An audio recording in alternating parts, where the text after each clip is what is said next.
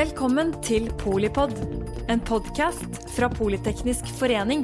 Et kunnskapsbasert medlemsnettverk for bærekraftig teknologi og samfunnsutvikling. Ingrid Sallesnet er jeg, jobber som journalist, og jeg sitter også i PF sitt styre for internasjonal politikk og økonomi, og det er vi som uh, arrangerer denne møteserien der vi på en måte prøver å se ut hvordan verden ser ut fra noen av de store nye maktsentrene i verden. Eller nye er vel ikke alle sammen, men uh, interessante er de i hvert fall. Uh, og da er vi så heldige i dag at vi har fått med oss uh, to av dem i Norge som kan best å se hvordan det ser ut fra Moskva. så da ønsker vi opp velkommen Julie Wilhelmsen, seniorforsker ved Norsk utenrikspolitisk institutt. Kom opp. Takk. En applaus for Julie. Og Håvard Bekken, seniorforsker ved Institutt for forsvarsstudier. En applaus for òg. Så bra. Ja, det her har jeg jo gleda meg mye til. Vi Det er mange som lurer på eh, Russland for tida, ikke minst pga. nyhetsbildet.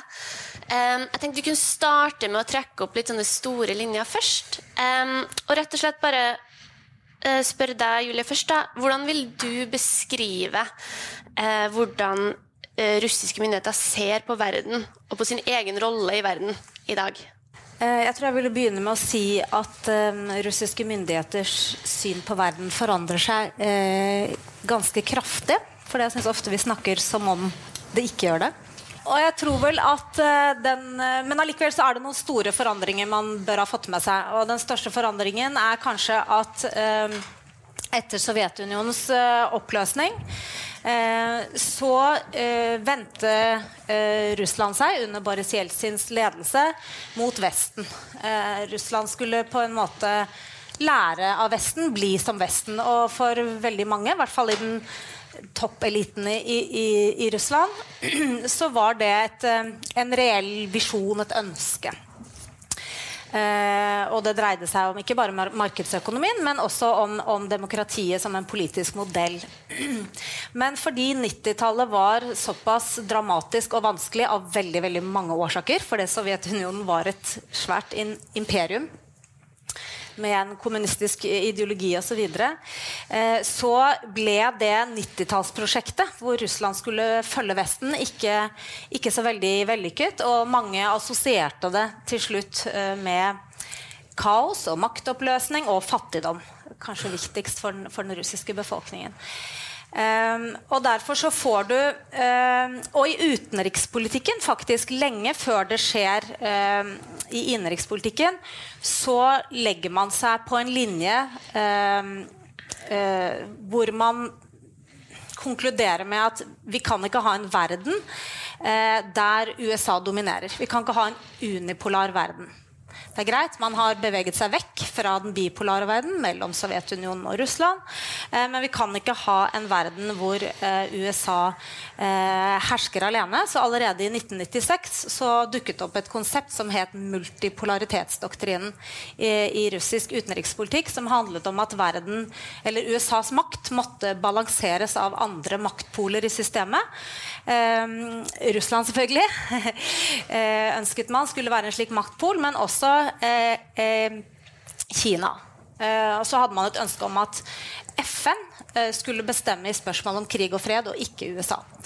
Sånn at den hva skal jeg si, dreiningen i internasjonal politikk bort fra en sånn ensidig vestvendthet finner du allerede på 90-tallet. Og så når Putin kommer til makten, eh, så har du først noen år faktisk hvor han forsøker å realisere eh, hans prosjekt, hans store drøm, som har vært å gjøre Russland sterkt igjen. Først og fremst innenrikspolitisk, men så etter hvert også i utenrikspolitikken. Og hans idé var først at det skulle skje gjennom samarbeid med Vesten. Ikke gjennom at hva skal jeg si, for å bruke litt flåstor, Russland skulle legge seg flat for Vesten. Men eh, det skulle skje gjennom et samarbeid, kanskje primært på det økonomiske felt. Dette var i, i, fra 2000 og utover. Og så etter terrorangrepene i 2001 eh, så så man for seg at eh, Russland og USA til og med kunne bli såkalt strategiske partnere i sikkerhetspolitikken mot internasjonal terrorisme. Så det var et forsøk på en slags hva heter det, conditional eh, Betinget vestvending på begynnelsen av Putins periode. Men så har jo eh, forventningene på russisk side vært enorme til at USA og Vesten på en måte skulle ta hensyn til Russland, ære, ære Russland, og de sprakk ganske fort, kanskje spesielt med invasjonen i Irak. Eh, som var, eh, russiske myndigheter var veldig imot, som de så på som et brudd på folkeretten. Og ikke minst der de ikke ble tatt med på lag i avgjørelsen. For det ble jo fremstilt som et slags neste skritt i kampen mot internasjonal terrorisme. Det syns ikke Russland det var, og de syns ikke de hadde blitt tatt med på lag. Og så har det egentlig gått litt eh, hva skal jeg si, eh, eh, skritt for skritt. En del det man har kalt fargerevolusjoner i, i, i post-Sovjet, der Russland har fremstilt det som om man USA forsøkte å få sin mann på toppen, enten det var Saakashvili i Ukraina eller gjennom revolusjonen i Nei, Saakashvili i Georgia eller revolusjonen i, i Georgia. Så har det vært Nato-utvidelser, og så har det vært en hel haug med, med, med, hendelser som har gjort at eh, Russland i økende grad har betonet eh, eh, verden som et sted der eh, deres eh, oppgave er å representere en motmakt til USA. Og gjerne sammen med andre makter. Og det som har blitt tydeligere spesielt etter krisen i Ukraina, har jo vært dette partnerskapet med, med Kina. Så det, det, kan, det er liksom den brede uh, utviklingen. Altså, Håvard, vi, eh, nå er vi inne på hvordan Putin også har endra oppfatning av verdenskledelse og strategi underveis her. I Vesten og i Norge kanskje, så er vi jo veldig opptatt av han som Han blir beskrevet nærmest som en sånn eh, mesterhjerne, liksom, med total kontroll over Russland og med sånne lange strategier og egne planer. Stemmer liksom det bildet av Putin?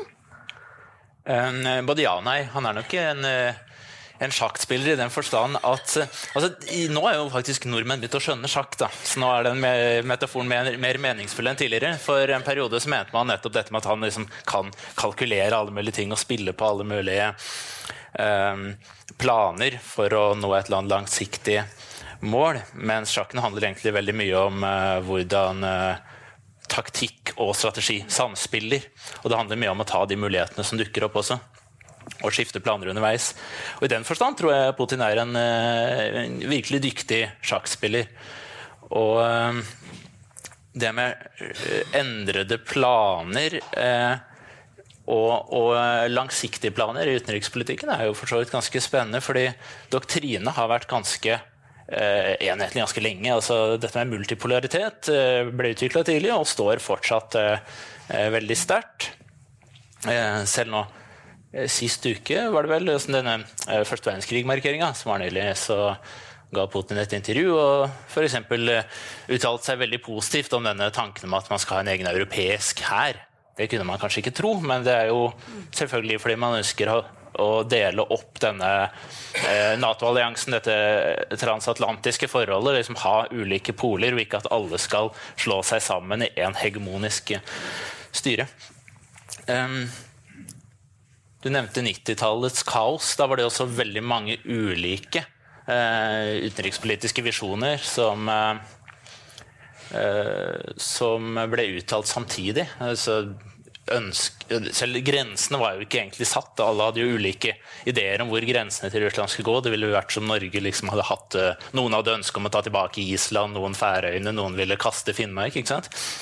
Um, og den voldsomme egentlig ideologiske uh, variasjonen i hvordan man skulle utforme og utenrikspolitikken, altså hvilken retning Russland skulle gå i forhold til verden, den ble jo vunnet egentlig av en ikke-ideolog, nemlig Putin, som hadde en veldig pragmatisk tilnærming lenge. Og eh, ble sett på liksom, sant, som pragmatikeren av alle analytikere. I, I dag oppfatter vi han jo veldig som en ideolog, eller? Ja, ikke sant. Eh, så fort kan, kan det endre seg. Eh, han hadde, en, han hadde, to viktige taler i 2007 som er fine å ta med seg. Den ene mest kjente er jo den talen han holdt i München, hvor han virkelig tok artikulerte dette, den motstanden mot den eh, amerikanske hegemoniet i veldig sterke ordelag og sa på en måte nå setter vi her, her men ikke lenger. da. Eh, og det ble jo bare lyttet til sånn halvveis. Eh, det er et viktig, et viktig øyeblikk. Men samme år så holdt han også en tale til Føderasjonsrådet, som på en måte er denne nasjonens tilstand-talen, som han holder en gang i året. Hvor han faktisk gjorde narr av denne Hvordan kalte han kalte det? Starinaya ruskaya sabava. Altså en slags, altså, Poenget her var at denne jakten etter en russisk identitet og at man skal liksom tenke ideologi, og hvem er Russland, og um, hvor skal vi gå, og sånne ting. Han gjorde litt narr av det og kalte det en sånn gammel uh, russisk uh, Eller gammelmodig russisk underholdning. Eller nærmest tidtrøyte, da. Og det var i 2007. Og uh, i 2012 så var han nesten akkurat der selv. Og i 2014 så tok han faktisk og sa rett ut at Russlands nasjonale idé er patriotisme. Og det kan ikke være noe annet enn patriotisme. Så så langt kan man reise på fem år, og mange glemmer jo hvem man eh, var eh, bare for noen år siden. Det er jo på en måte ikke noen motsetning mellom å være pragmatiker og ideolog. Det eh, tenker i hvert fall jeg når jeg ser på Putin over tid. Så er det fremdeles kombinasjonen. Fordi at uh, det er helt riktig at når du leser talene fra eh, 2014, eller mellom 2012 og, og 2014, så har de en helt klar appell til en type russisk eh, nasjonalisme. Og deler av de talene er jo faktisk hva skal jeg si, verre enn patriotisme. De er en appell til en russisk nasjonalisme med stor R, som egentlig er ganske uvanlig i en russisk kontekst. For Russland alltid har vært et stort og multietnisk eh, imperium eller stat. Samme i, i hvilken form det har vært.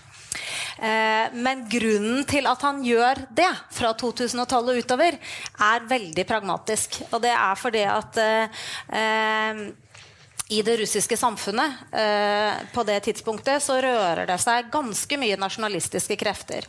Som bl.a. kom til uttrykk i de første store demonstrasjonene mot Putin eh, høsten 2011 og våren 2012 i forbindelse eh, med valgene. Og som var ganske klart eh, avtegnet også i meningsmålingsundersøkelser.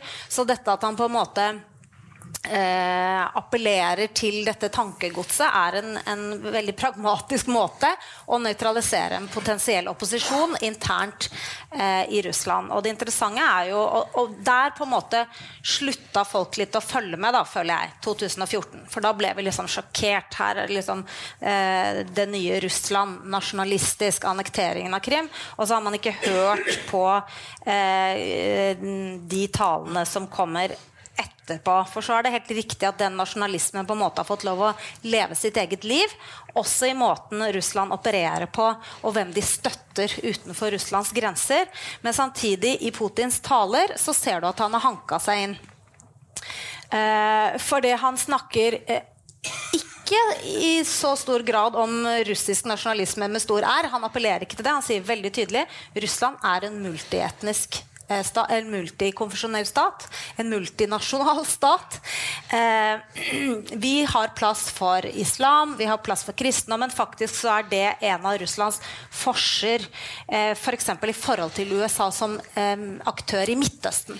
Det er at Russland tradisjonelt har hatt en masse muslimer innenfor sine grenser, vet hvordan de skal forholde seg til muslimer, har en offisiell muslimsk sånn åndelig struktur, sånne Muslim boards over, over over, eh, over hele, hele, hele, Russland. Og derfor så, så, er igjen denne pragmatismen, da. At eh, å kunne skifte ideologien tilbake dit, det passer veldig veldig bra. For eh, skal man klare å forvalte denne staten her, så må du det. Du kan ikke fremmedgjøre eh, 20 millioner muslimer som har bodd i, i, i det som, altså på det som er russisk territorium i mange hundre år. Um, så jeg vil fremdeles si at ja, bruken av ideologi er veldig påtagelig. Og ikke minst ikke, identitet. Dette å forsøke å si til russerne at dette er oss.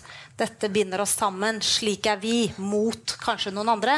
Den er voldsom, men den er samtidig fremdeles ganske pragmatisk. Da. Jeg er fullstendig enig i det. Det var jo litt det som egentlig var poenget mitt også med denne dreiningen. Altså er, jeg tror ikke denne dreiningen foregår inni hans hode, altså, eller hjerte, da, eller sjel. Ikke sant? Det er, det er veldig mye um, Til en viss grad er det et spill for galleriet. Og så har ikke jeg lyst til å være den som spekulerer hva hans virkelige motivasjoner er, men, eh, men denne stadige skiftningen, det er flere andre eksempler også, eh, tyder jo på at eh, han spiller et spill med de de mulighetene som dukker opp. Da. Og, ja, hva er, det som former de mulighetene? på en måte? Altså, Hvilke andre maktfaktorer i Russland da, er det som er med å forme hans strategier hva er det han svarer på? liksom? Det helt grunnleggende er selvfølgelig legitimitet. Han er jo avhengig av legitimitet. Um, både blant eliten, som sant, eh, er de som faktisk eh, holder ham på toppen, og, og, i befolkningen for øvrig.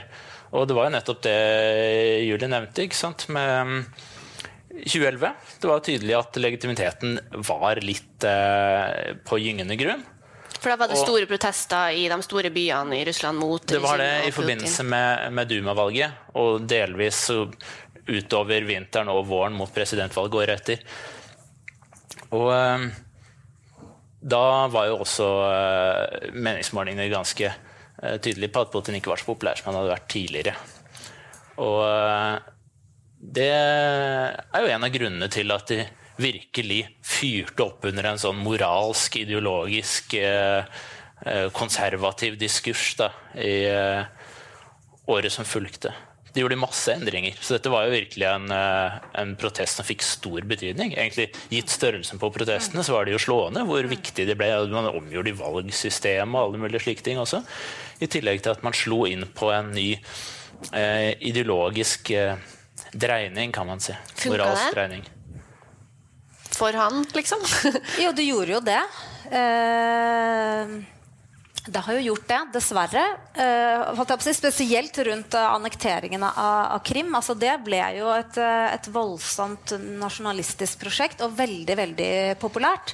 Men problemet, og det gjelder jo for så vidt alle politiske politikere som velger å, å, å, spille på sånne enkle fremstillinger og, og på en måte hausse opp stemningen rundt sånne nasjonalistiske paroler, det er jo at for det første så kan luften gå ut av ballongen, og det gjør den. Eh, og det er den i ferd med å gjøre nå. Altså eh, dette med annekteringen av Krim og eh, den, Russerne snakker jo om det som Krymnasj, altså Krim er vårt. det På meningsmålingene i hvert fall, så ser du at det er veldig populært en god stund. Men så så mister det sin kraft. Eh, og så, hvis du kommer opp til i dag, så, eh, så har det jo nå vært en slags liten økonomisk krise i Russland som, som vedvarer. Uh, og så har man faktisk begynt på å, uh, en, en, del reformer som man burde begynt på for lenge siden, som, uh, som, som koster ganske dyrt. Og da får du et annet problem, for da er det ikke Da er det på en måte grobunnen for misnøye i Russland i dag er mye mer sosioøkonomiske problemer. Um, og da nytter det ikke å Da har du på en måte brukt opp litt av den nasjonalistiske appellen. I hvert fall ser det slik ut på, på meningsmålinger. Med mindre han annekterer et annet sted, da? Eller er liksom folk ja, redde for at han skal men, gjøre det? Men det viser også mening, For det, det, er det mange som litt sånn enkelt sier. Ja, det er sånn Putin regjerer. Altså, først så var det tsjetsjenerne som var terrorister, og så tok du dem. Og så er det liksom at han eh, og, og så var det Syria ikke sant? etter, eh, etter um, Ukraina. Men, men, det er ikke helt Eh, det ser ikke helt slik ut på meningsmålingene. Fordi at russerne blir også uh, lei av utenlandske eventyr når de får, dårlig, får dårligere sosioøkonomiske betingelser på, på, hjemmebane. Så det ser nok ut som om Uh, ja, kraften i den metoden der er i ferd med å, uh, å, forsvinne. Og så er det som sagt litt den fordreiningen at, at, det har vært bare det som har gjort Putin populær, som vi lett uh, snakker om. Det er jo i veldig stor grad nettopp at den russiske befolkningen har fått det bedre og bedre og bedre fra 2000 og utover, og nå er det på en måte slutt. Så det tvinger jo da litt fram pragmatikeren også i, i Putin, i at man faktisk nå eh, forsøker, ser det ut for meg, å, å eh, legge opp til Eller lover i hvert fall at det skal bli bedre økonomisk, og det, liksom, skole, helse. ikke sant? Så det er, det er pragmatismen på en måte igjen. Havar? Ja, altså, ja, ja, jeg, jeg syns det er veldig spennende å se hva liksom, eh, Putin skal trekke opp av hatten nå. Da, fordi uh, denne liksom, Nå skal vi bare gjøre vanlige ting. Det, jeg vet liksom ikke om det er tilstrekkelig. Eh, det er interessant dette med Krim-effekten, for som Julie sier, så, så, faller det nå. Eller har på en måte akkurat falt. Eh, det var en veldig oppgang i, eh, i støtte, og det var jo en bred støtte, ikke bare i befolkningen, men også blant elitene, av, av, veldig ulikt slag. Det var et felles prosjekt. Og den, hele den støtten som har faktisk ligget der i fire år, at den kollapser så fullstendig som den gjør nå, ut ifra en pensjonsreform. Altså, det kan ikke være så enkelt. Jeg tror det har noe med det du sier, at altså, det, er, eh, det er gøy med en liten krig, men ikke, men ikke når du får andre problemer tett innpå deg. Da er det på en måte ikke verdt så mye lenger. Så jeg tror, eh, jeg tror det blir for for enkelt å fortsette å på en måte bare drive bølle med naboland. Og det blir jo selvfølgelig vanskeligere og vanskeligere også. Nå er jo overraskelsesmomentet i hvert fall borte for neste to-tre tiårene, vil jeg tro. Det er ikke mange som lar seg um, på en måte lure av litt sånne finter utenrikspolitisk uh, lenger. Og det er ikke andre områder heller som er så veldig aktuelle å gjøre noe tilsvarende i. Men det er en men det er jo en farlig presedens at de opplever å få så sterk støtte i fire år for en sånn type manøver. Så Derfor er det også vanskelig å vite nå. Skal man på en måte normalisere forholdet, skal man ikke gjøre det? Man som man, i Vesten? Ja. ja. ja. Skal man det? Gulje? Nå hang ikke jeg med. Altså, om, skal, om Russland kommer til å normalisere forholdet til Vesten? Motsatt om Vesten kommer til å normalisere forholdet. De er vel litt avhengig av hverandre, Nei, kanskje? Altså, jeg syns ikke det ser ut som noen er i ferd med å normalisere forholdet til motparten i det hele tatt. Og det tror jeg er interessant nok. Nå kan vi gå litt tilbake til den der konspirasjonsteorien da, om at de driver og maner fram fiender for å holde eh, det politiske fellesskapet sammen internt. Eh, for det tror jeg er noe, problem, noe av problemet med den situasjonen vi har nå. At både for Vesten, enten du ser på USA, Storbritannia, eh, Russland på paradoksalt vis Norge vi kan komme tilbake til hvis det er interessant å diskutere, så er det faktisk nyttig å ha hverandre eh, som, som, fiender. Og slik har det vært, som vi har sagt, i, i, i Russland eh, lenge. Eh, men eh, jeg følger ganske tett på det som skjer i USA, og jeg, det er slående hvor nyttig det er å ha Russland som fiende nummer én, selv om det si, realpolitisk sett ikke er veldig mange interessekonflikter mellom eh, USA og, eh, og, Russland. Så det syns jeg Hvorfor er det så nyttig? Nei, nettopp fordi at du, det, du, det, altså du, kan være uenig om masse. Og vi kan ha masse problemer her hjemme hos oss som ingen har lyst til å ta skylda for. Og da er det veldig enkelt å kunne si de har skylda. Altså det er en veldig liten, altså en veldig banal mekanisme, men den, den, eh, er lett observerbar i politikken. Og jeg vil påstå at, eh, at eh, den er ganske utbredt uh, i, i, USA. Når du ser på f.eks. Altså, demokratene og republikanerne. De kan være uh, nærmest i krig med hverandre og uenige om det meste. Men det de faktisk er veldig veldig enige om, hvis du ser på Kongressen f.eks., det er at Russland er en fiende. Og at, eh, at Russland har liksom tilsynelatende en enorm innflytelse i amerikansk politikk og eh, er årsak til eh, hva skal jeg si, misæren. Det, det, det, det medfører bare ikke riktighet. Altså. Når du ser på nivået, altså forklaringen, hvordan de, de, snakker om det, og det som er realiteten, så henger det ikke helt sammen. Og det samme gjelder faktisk i, eh, i i Storbritannia, syns jeg. Eh, man kan til og med si ja, brexit. Ja, det var egentlig Russland. Altså det, det, er et eller annet litt mistenkelig med måten Russlands trussel fungerer som et indre lim på. Og spesielt for de av oss som studerer Russland, så er det mistenkelig, for dette har vi sett i Russland så lenge. Mm. Så det er litt skummelt at det faktisk fungerer på samme måten um, her hos oss. Men, og jeg opplever at uh, det er uh, en av årsakene til at det blir vanskelig å deeskalere det noen nå kaller for den nye kalde krigen. For det er ikke eh, Hvem er det som tjener på det?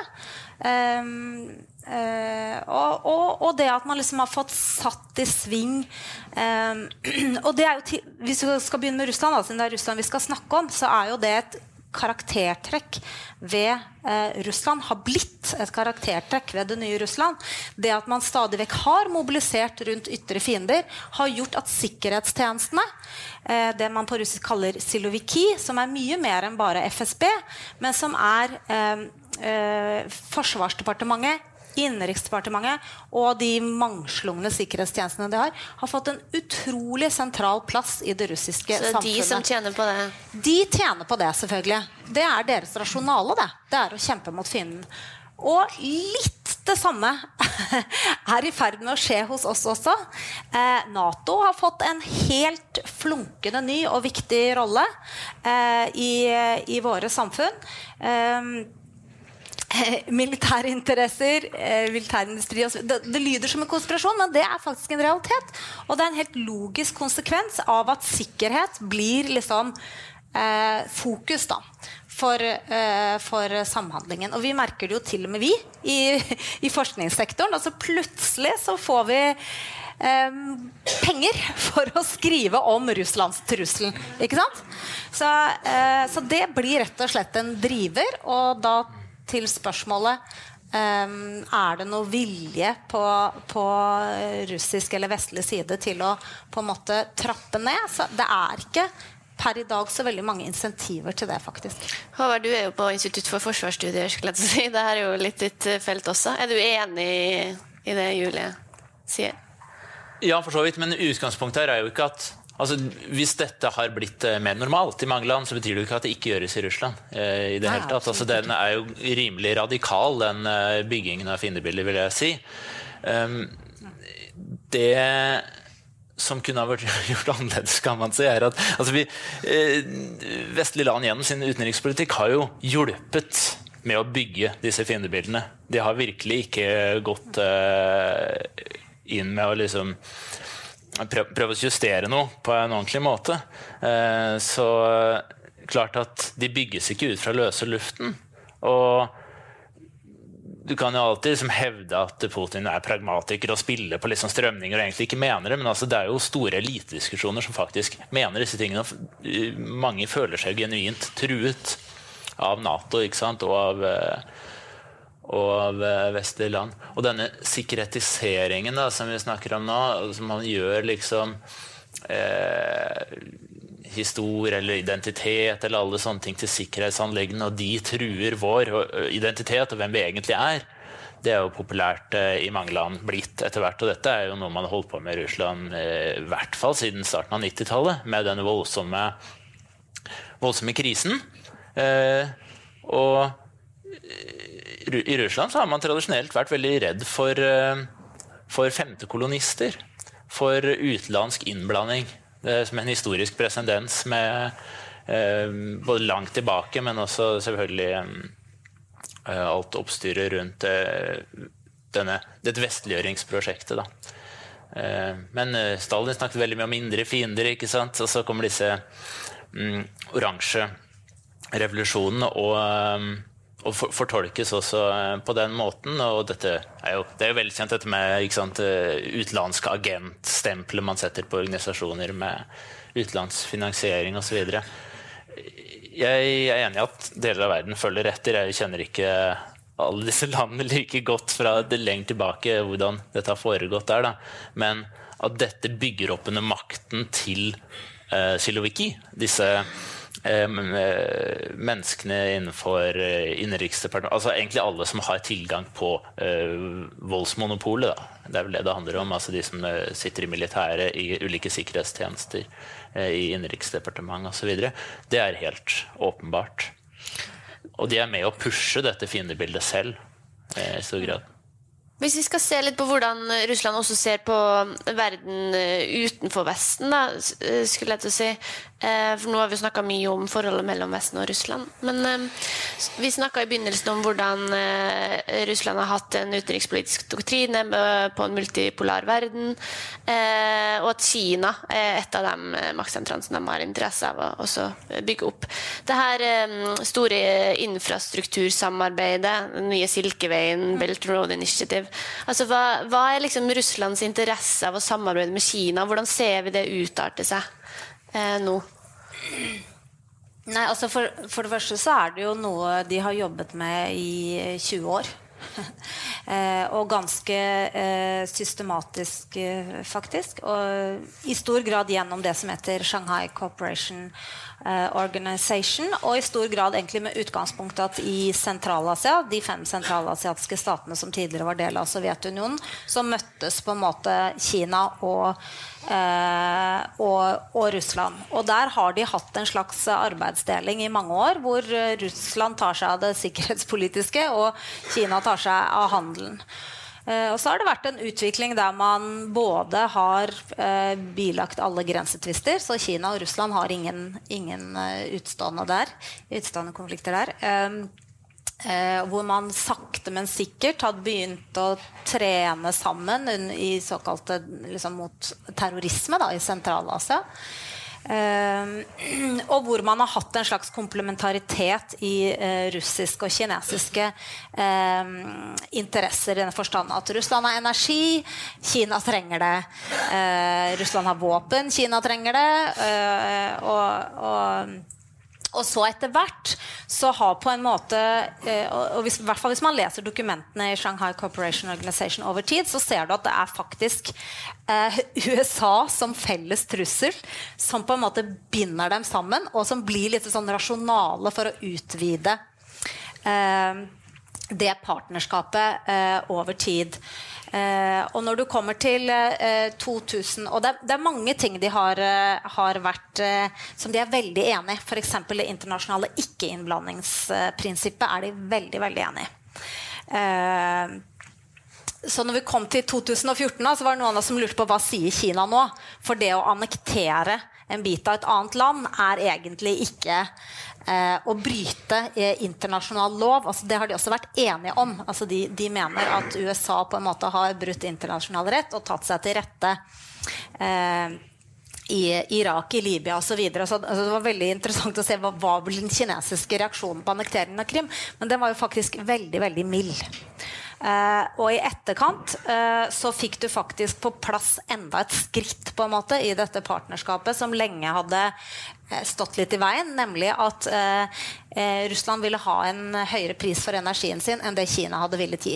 Men etter annekteringen av Krim og etter på en måte Russlands gradvis isolasjon da, fra, fra, Vesten, så kom en kjempesvær avtale om oljerørledningene i øst, altså mellom Russland og, og Kina, på plass ganske kjapt til den prisen Kina ønsket. Eh, men allikevel eh, en, en, åpning for, for, Russland. Så det har blitt litt sånn at man lukker vestover, og så har åpningen mot Kina eh, bare akselerert, egentlig. Også hvis du ser på tall for våpeneksport, f.eks. Eh, og eh, samtidig så eh, vil jo Kina veldig gjerne inn i Arktis, altså med dette store Belt and Road-prosjektet som du, du, nevnte. Og det er klart Russland er jo den største arktiske staten.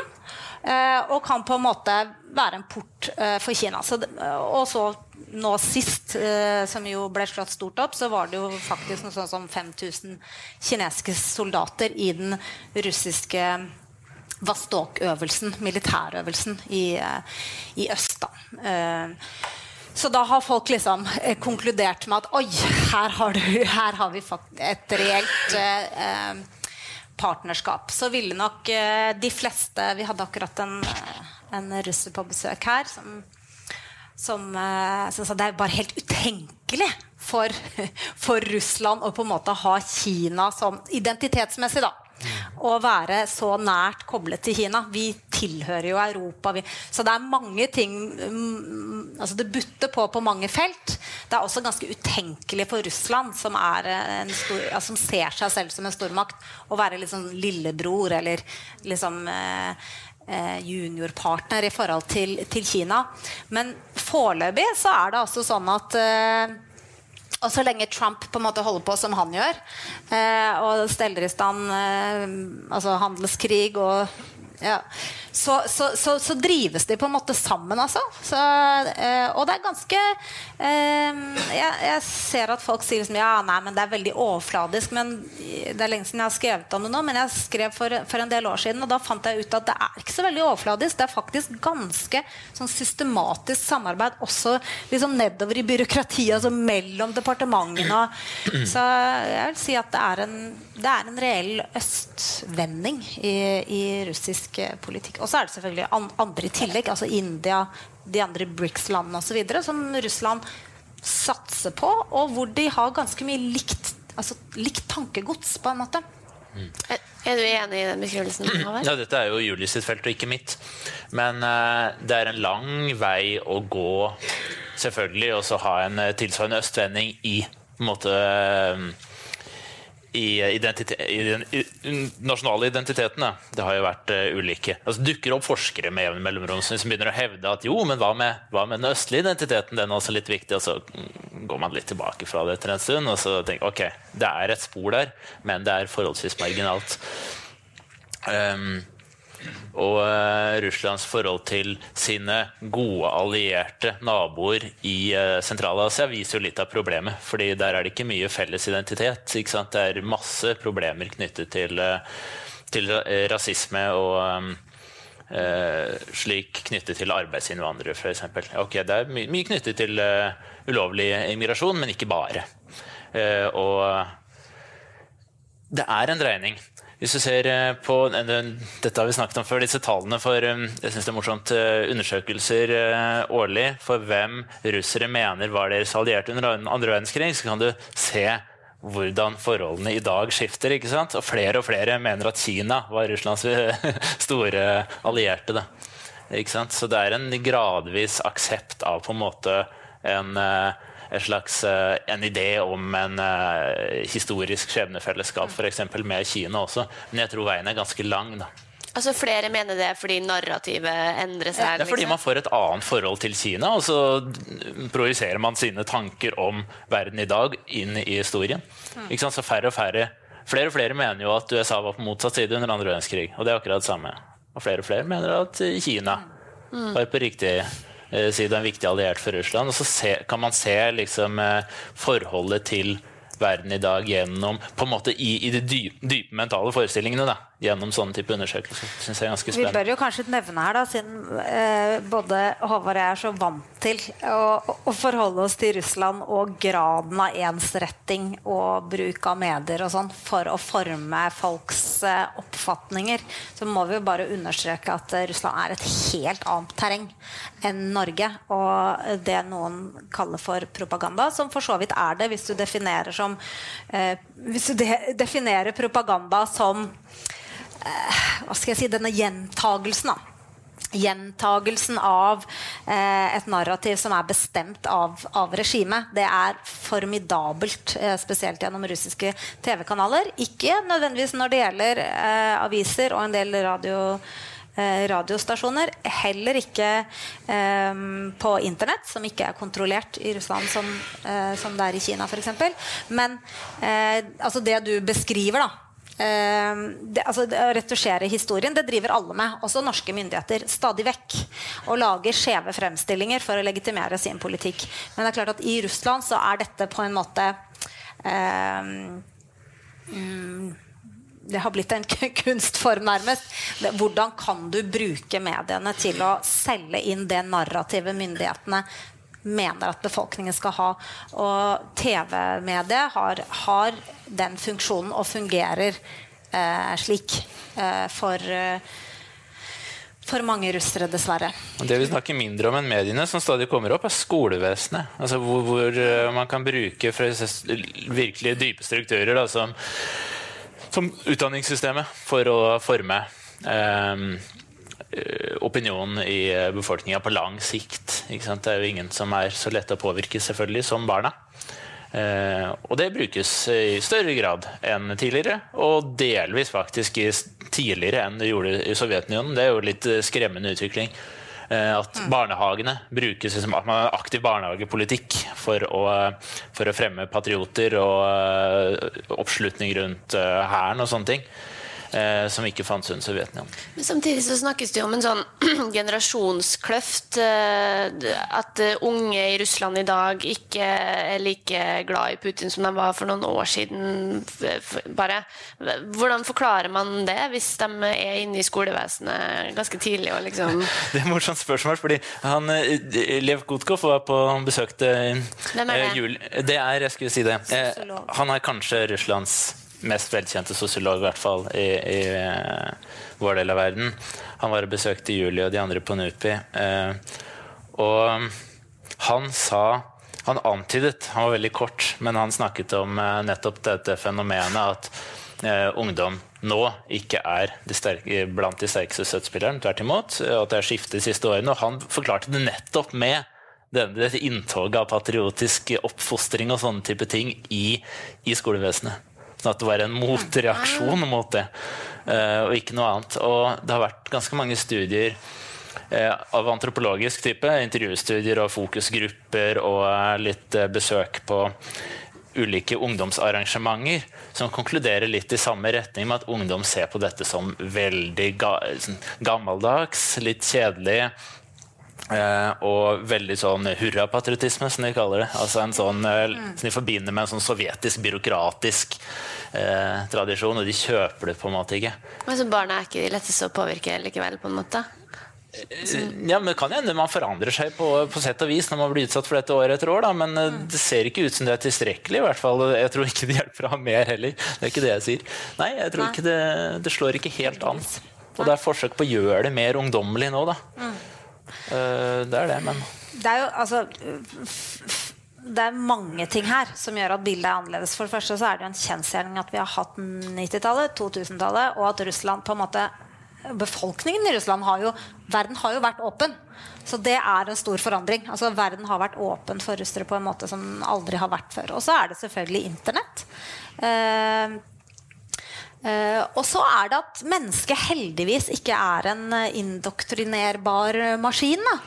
Eh, så så, så disse, denne si, kreativiteten eller opposisjonen, den, den kommer jo på en måte naturlig fram. Og det var en annen sosiolog på NUPI nå i høst også som heter Katarina Schulman.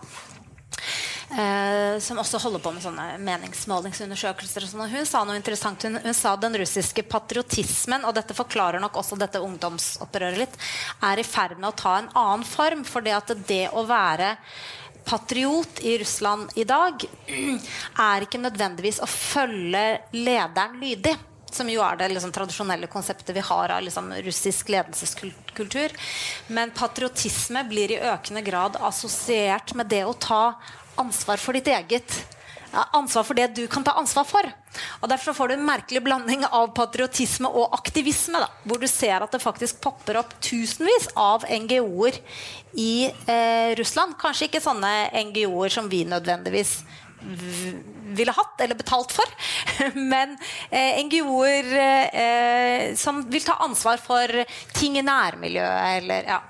så, så det er jo en utrolig interessant eh, utvikling. At ja, det er liksom stolthet over å være russisk og, og patriotisme, men det er ikke nødvendigvis en sånn passiv form da, som på en måte Putin-regimet krever. Og her kan du jo få en reell eh, utfordring.